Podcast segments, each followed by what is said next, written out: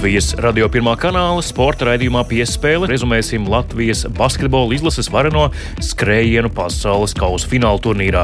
Studijā viesosies Latvijas Basketbola Savienības ģenerālsekretārs Kaspars Ciprus, Saimas sporta apakškomisijas vadītājs Dāvis Mārtiņš Daugavietis no jaunās vienotības un arī citi basketbola vides pārstāvji.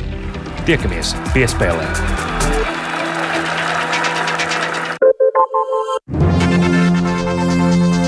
Vienmēr pirmais. Latvijas Radio 1.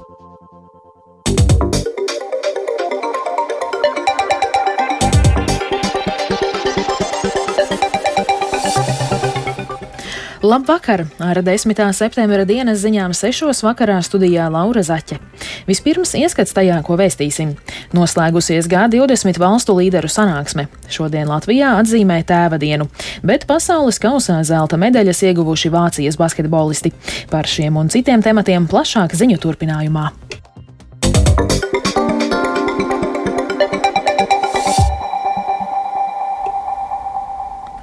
Marokā turpinās zemestrīcē izdzīvojušo meklēšana un glābšana. Bojā gājušo skaits līdz šim ir pārsniedzis divus tūkstošus. Sarkanā krusta pārstāvji brīdina, ka postījumi ir tik lieli, ka reģiona atjaunošanai būs vajadzīgi mēneši un pat gadi. Vairāki kalnu ciemati ir teju pilnībā izpostīti. Vairākas ārvalstu valdības, tostarp Izraēlas, Francijas, Spānijas, Itālijas un ASV, ir piedāvājušas sniegt palīdzību. Indijā ir noslēgusies G20 valstu līderu sanāksme. Par tās iznākumu skan dažādi vērtējumi. Indijas, Brazīlijas un Krievijas pārstāvji to dēvē par savu panākumu. Savukārt Eiropa un Japāna izsaka gandarījumu, ka visas valstis ir spējušas paust atbalstu ANO statūtiem, ko Krievija šobrīd pārkāpja. Plašāk stāsta mūsu Briseles korespondents Artjums Konohovs. Ar Mahatmas Gandija memoriālu apmeklējumu svētdien oficiāli noslēdzās G20 valstu līderu tikšanās Indijā. Tā ilga divas dienas. Kaut arī sanāksme izgaismoja dziļas domstarpības valstu vadītāju vidū gan par karu Ukrainā, gan par cīņu ar klimata pārmaiņām, gan par daudz ko citu, Indijas premjerministrs Narendra Modi to ir nodēvējis par veiksmīgu. Līdzīgi izteicās arī Krievijas ārlietu ministrs Sergejs Lavrovs, kurš vadīs savas valsts delegāciju. Lavrovs paziņoja, ka rietumiem nesot izdevies pakļaut šo sanāksmi savai darba kārtībai un galvenokārt runāt par Ukrainu. Tāpat Lavrovs piebilda, ka Krievija noslēguma dokumentā vispār nesot pieminēta. Tam oponēja Francijas prezidents Emmanuels Macrons. Donc, Es nedomāju, ka mums vajadzētu bloķēt G20 darbu pie citiem jautājumiem. Mēs zinām, ka Ukrainas jautājumā ar dažiem biedriem pastāv domstarpības, it sevišķi tādēļ, ka G20 sastāvā ir arī Krievija. Patiesībā ir pateiktas būtiskas lietas. G20 ļoti skaidri pateica, ka tā atbalsta taisnīgu un ilgtspējīgu mieru, kas ir pretēji tam, ko piedāvā Krievija. Proti uguns pārtraukšanu, kas nav nedz ilgtspējīgs, nedz taisnīgs miers. Tāpēc mēs vēlreiz pasvītrojām, ka G20 atbalsta ANO statūtus, ko Krievija pārkāpj. Te nav nekā divdomīga. Makrons piebilda, ka G20 sanāksme nav vieta, kur būtu iespējams panākt kādu būtisku progresu jautājumā par Krievijas karu pret Ukrainu. ANO statūtu pieminēšanu noslēguma deklarācija akcentēja arī Japānas premjerministrs Fumio Kishida. G20 首脳宣言において G20 līderu paziņojumā ir panākta vienprātība par ANO statūtos ietverto principu ievērošanu, tostarp par taisnīgu un ilgspējīgu mieru Ukrainā, kā arī par tās teritoriālās nedalāmības un suverenitātes saglabāšanu. Tas ir būtisks sasniegums. Ukrainas ārlietu ministrijas pārstāvis sacīja, ka G20 šajā ziņā nesot ar ko īpaši lepoties. Tomēr viņš pateicās tām valstīm, kas mēģināja noslēguma tekstā iekļaut stingrāku kara nosodījumu. Nākamā G20 valstu līderu tikšanās notiks Brazīlijā. Tās prezidents Luis Inácio Lula da Silva sacīja, ka Krievijas prezidents varot nebaidīties no aresta un droši apmeklēt samitu Brazīlijā. Kā zināms, Starptautiskā krimināla tiesa ir izsniegusi Putina aresta orderi. Arcums Konahos Latvijas Rādio Briselē. ASV prezidents Džo Baidens uzreiz pēc G20 līderu sanāksmes Indijā ir ieradies Vietnamā. Baidens vēlas stiprināt attiecības ar Vietnamu un citām Āzijas valstīm laikā, kad reģionā pieauga Ķīnas ietekme, stāsta Arķums Konohovs. Galvenais mērķis, kādēļ ASV prezidents Džo Baidens ir devies uz Vietnamu, ir saistīts ar Amerikas valdības mēģinājumiem stiprināt attiecības ar draudzīgām valstīm un dažādot kritiski svarīgu izēvielu piegādes avotus. Vietnamas gadījumā runa ir par redzemju elementiem un pusvadītājiem. Tādēļ Baidens Vietnamā paziņoja, ka abu valstu sadarbība turpmāk kļūs vēl ciešāka un ka šīm attiecībām ir liels potenciāls. Krievija aizvadītajā naktī uz Kijivas apgabalu raidījusi 33 dronus šahedi, no kuriem 26 Ukrainas gaisa spēkiem izdevies iznīcināt. Dronu atlūzas gan nokritušas vairākos Kijivas rajonos, bojājot aptuveni 100 privātmājas un 30 dzīvokļus, kā arī citas ēkas. Ievainojumus guvuši četri cilvēki, bet bojāgājušo šajā Krievijas veiktajā uzbrukumā nav. Krievijas karavīri apšaudījuši humanās palīdzības organizācijas Road to Relief automašīnu, kas no Slovjānskas brauca Bahmutas virzienā un kurā atradās četri ārzemnieki. Divi no tiem gājuši bojā. Spānijas varas iestādes apstiprinājušas, ka viena no bojā gājušajām ir Spānijas pilsone, bet otrs upuris bija Kanādas pilsonis. Vēl divi brīvprātīgie Vācijas pilsoņi guvuši ievainojumus un šobrīd atrodas slimnīcā.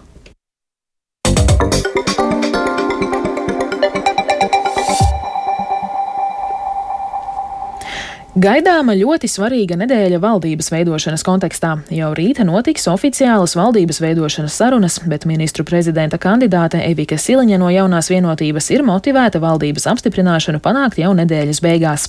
Tā kā sarunas par valdības deklarāciju vēl notiek, oficiāls ministru saraksts nav zināms. Turpina kolēģe Paula Dēvica. Pašlaik jaunās vienotības, zaļo un zemnieku savienības un progresīvo veidotā topošā koalīcija strādā pie jaunas valdības deklarācijas, koalīcijas līguma un arī pielikuma par neatliekamajiem darbiem, kas paveicami līdz decembrim un janvārim. Kā zināms, pirmie darbi, ko plānots veikt uzreiz pēc valdības apstiprināšanas, ir kopdzīves regulējuma ieviešana un Stambulas konvencijas ratificēšana. Topošajai koalīcijai ir 52 balsis un jauno valdību iespējams apstiprinās jau 15. septembrī. Ar dažādiem ģimenei draudzīgiem sarīkojumiem daudz viet Latvijā šodien svin tēva dienu. Rīgā viens no centrālajiem šo svētku pasākumiem bija tēvu gājiens, ko jau desmito reizi rīkoja organizācija mamām un tētiem. Gājiens sākās pie brīvības pieminekļa un noslēdzās Vērmanes dārzā, kur risinājās dažādi konkursi un sacensības tētiem. Plašāk Zane Seniņas reportāžā. Jūs visi pavadījāt, un uz brīvības ielas stāvot māte ar roku tēvu gājienā desmito reizi. Tēva dienas gājiens noris orķestra pavadījumā, arī pašiem tētiem grabinot un šķindrinot dažādus instrumentus. Bērni nes plakātus ar uzrakstiem Mans tētis labākais pasaulē, kad izaugšu būšu kā tu tēti un tam līdzīgi. Pirms desmit gadiem pirmo reizi rīkojot tēva dienas gājienu bijis uztraukums, vai vispār kāds atnāks, taču izrādījies, daudz vīriešu šo lomu izjūt kā iemeslu lepoties. Nu jau daudzi no viņiem ierodas ar tik lieliem bērniem, ko uz rokām vairs nevar panest, un pievienojas ar vien jauni, stāsta organizācijas mamām un tētiem vadītāja Inga Akmentiņas Mildziņa. Tēvdienu mēs rīkojam par godu tētiem, lai pateiktu viņiem paldies, lai godinātu viņus un pateikt, ka viņi ir ļoti, ļoti nozīmīgi bērnu dzīvē, ģimenes dzīvē. Caur to arī zināmā mērā iedvesmojot, varbūt liekot aizdomāties tiem tētiem, kuri par savu bērnu šobrīd nerūpējas vai ļoti maz iesaistās, ļoti maz rūpējas. Un arī zināmā mērā šie svētki ir mamām par to, lai ļautu tētiem iesaistīties. Ne tikai daudzi tēvi lepojas ar to, ka ir tēvi, ar saviem tētiem lepojas arī bērni. Vērmanis dārzā sastaptie uz jautājumu, kāds ir viņu tētis, lielākoties atbild ļoti labs. Kāds ir tētis? Labs, draudzīgs un visu dot, ko gribās. Un kas viņam garšo? Nu, viņam garšo saldējums. Viss garšo gandrīz. Viss. Un, uh, kurš ir svarīgāks, tēvs vai mamma? Nezinu. Un pēdējais jautājums, kā tevi sauc? Arthurs Ādams Kals. Es esmu no Latvijas Rādio. Kā tevi sauc? Beatrice. Kāds ir tavs tēcis? Ļoti labs. Kas viņam garšo? Majonēzi varbūt. Un kurš svarīgāks, tēvs vai mamma? Man liekas, ka tēvs galvenais mājās. Kā tevi sauc? Krišs. Kāds ir tētis? Uldis. Bet kā tu teiksi, kāds viņš ir? Viņš, viņš ir, viņš ir bundzinieks, viņam patīk ļoti mūzika. Viņš, viņš ir grupā Zigzaga un viņa uzvārds ir Timoško. Un kas viņam garšo? Viņam garšo salāti un zivis. Kurš svarīgāks, tēvs vai mamma? Abi divi. Kā tev sauc? Teodors. Kāds ir tēvs? Kristaps. Bet kā tu teiksi, kāds viņš ir? Kāds? Nu, labs viņš ir. Kas viņam garšo? Viņam garšo gaļa. Un uh, kas ir svarīgāks, tēvs vai mamma? Tētis. Mani sauc Aleksandrs. Kāds ir tētis? Labs. Kas viņam garšo? Olas. Un kurš svarīgāks, tēvs vai mamma? Tētis. Vērmanas dārzā visas tēvu dienas garumā norisinās dažādas aktivitātes, kurās var iesaistīties gan tēti, gan pārējie ģimenes locekļi. Iespējams pārbaudīt gan fizisko spēku, gan veiklību, gan pagatavot tētim kroni, gan nofotografēties pie īpašas fotosienas, bet jautru svētku noskaņu rada muzikāli priekšnesumi. Zana Eniņa, Latvijas radio.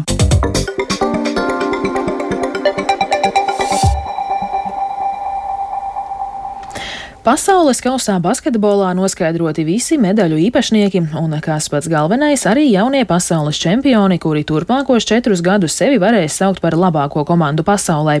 Par notikumiem basketbola laukumā Manilā, kā arī par citiem svarīgākajiem sporta notikumiem stāsta Māris Bergs. Pasaules kausā basketbolā šo pēcpusdienu triumfēja Vācijas izlase, kas aizraujošā fināla mačā ar 83-77 uzvarēja Serbiju, izcīnot savu pirmo pasaules čempionu titulu. Spēle iesākās aktīvā un arī gan rezultatīvā cīņā, taču neviena no komandām nespēja izveidot vērā ņēmumu pārsvaru, un vadības groži regulāri mainījās, pārtraukumā komandām dodoties ar nešķirtu rezultātu 47-47. Trešajā ceturdaļā Vācija veica izrāvienu, viņu pārsvaram pārsniedzot arī 10 punktus, taču spēles pēdējās minūtēs Sērbija jau pietuvojās viena metiena attālumā. Izšķirošajos brīžos augstsinīgāki tomēr bija vācieši, viņiem nosargājot uzvaru un izcīnot savu pirmo čempionu titulu. Finālā ar 28 punktiem Vācijas labā izcēlās komandas līderis Denis Šrēders. Dienas pirmajā daļā bronzas medaļas trilleri cienīgā spēlē izcīnīja Kanāda, kas papildu laikā ar 127-118 apspēlēja ASV. Kanādiešiem gūstot gūstot lielāko panākumu savas valsts basketbola vēsturē. Pēc vakar izcīnītās piektās vietas māju ceļu uzsākusi Latvijas izlase. Komanda gan nelido vienā reisā, spēlētāji un personāls izkaisīti dažādās lidmašīnās, kas visas lido uz Dubaju. Tur visa komanda sapulcēsies vienopus un ar čārterreisu atgriezīsies Rīgā, kur rīt pēcpusdienā jau tiek plānota svinīgā sagaidīšana. Jau no pieciem pēcpusdienā pasākumu tiešraidē translēs arī Latvijas radio. Basketbola savienībai gan jau jāsāk domāt par nākamā gada olimpisko kvalifikācijas turnīru, kura rīkošanai Latvija teorētiski var pieteikties, taču šī turnīra izmaksas ir ļoti augstas. Licences maksa viena ir vairāk nekā 2,5 miljonu eiro, bet sacensību kopējās izmaksas varētu būt 5-6 miljoni eiro. Par iespējām piesaistīt valsts finansējumu olimpiskā kvalifikācijas turnīra rīkošanai Latvijas radio raidījumā piespēle šodien pastāstīja Saimas sporta apakškomisijas vadītājs Dāvis Mārtiņš Daugavietis no jaunās vienotības. Pats šobrīd ar Arvilu Ašrādenu tieši par šo jautājumu neesmu runājis, bet arī jau ar Ciprus kungu runājām par to, ka, ja tā nauda būtu nepieciešama, mēs nolēmām viņu rīkot, viņa būtu nepieciešama jau šogad pēc šiem FIBA noteikumiem, ka viņi prasa iemaksāt šo naudas summu, ja saprotu pareizi, un ja ne, nesaņem šo turnīru, tad viņi tiek atmaksāti. Tas nozīmē, ka, ja šī nauda nepieciešama šogad, tad viņu mēs arī nevaram iestrādāt nākamā gada budžetā, visticamāk viņi ir jāņem no LNG, jeb līdzekļiem neparedzētiem gadījumiem. Un šeit jau tur tiešām tikai finanšu ministrs varēs visprecīzāk, nu ne tikai, bet visprecīzāk precīzāk varēs atbildēt tieši finanšu ministrs par to, cik mums ir palikusi šī nauda. Raidījuma piespēle atkārtojumā klausieties jau pēc dažām minūtēm. Šovakar tenisa sezonas pēdējā Grand Slam turnīrā US Open paredzēts vīriešu fināls, tajā sacenšoties Novākam Džokovičam un Danīlam Medvedevam. Par sportu šovakar man tas arī viss. Ar to izskan 10. septembra dienas ziņas. Producente Vija Bremse ierakstus montēja Renārs Steimanis, pieskaņu pults Iveta Zvejniece, bet studijā Laura Zaķe. Īsumā par svarīgāko. Noslēgusies G20 valstu līderu sanāksme. Šodien Latvijā atzīmē tēva dienu. Pasaules kausā basketbolā zelta medaļas ieguvuši Vācijas basketbolisti, sudrabs Serbijai, bet bronza Kanādai. Vēl tikai par laikapstākļiem. Yeah. Rīgā šobrīd ir 24 grādi un pūš dienvidu vējš 2 m2. Atmosfēras spiediens 766 mm, bet relatīvais gaisa mitrums 60%. Naktī būs daļēji mākoņains, bez nokrišņiem, bet atsevišķos rajonos veidosies bieza migla. Pūtīs lēns vējš un gaisa temperatūra naktī 11-16 grādi. Dienā mainīgs mākoņu daudzums un nokrišņi nav gaidāmi. Pūtīs lēns vējš līdz 5 m2 un gaisa temperatūra dienā 23, 20. 27 grādi, bet piekrastē nedaudz vēsāks, tur 20, 24 grādi. Laika prognoze otrā - labvēlīga.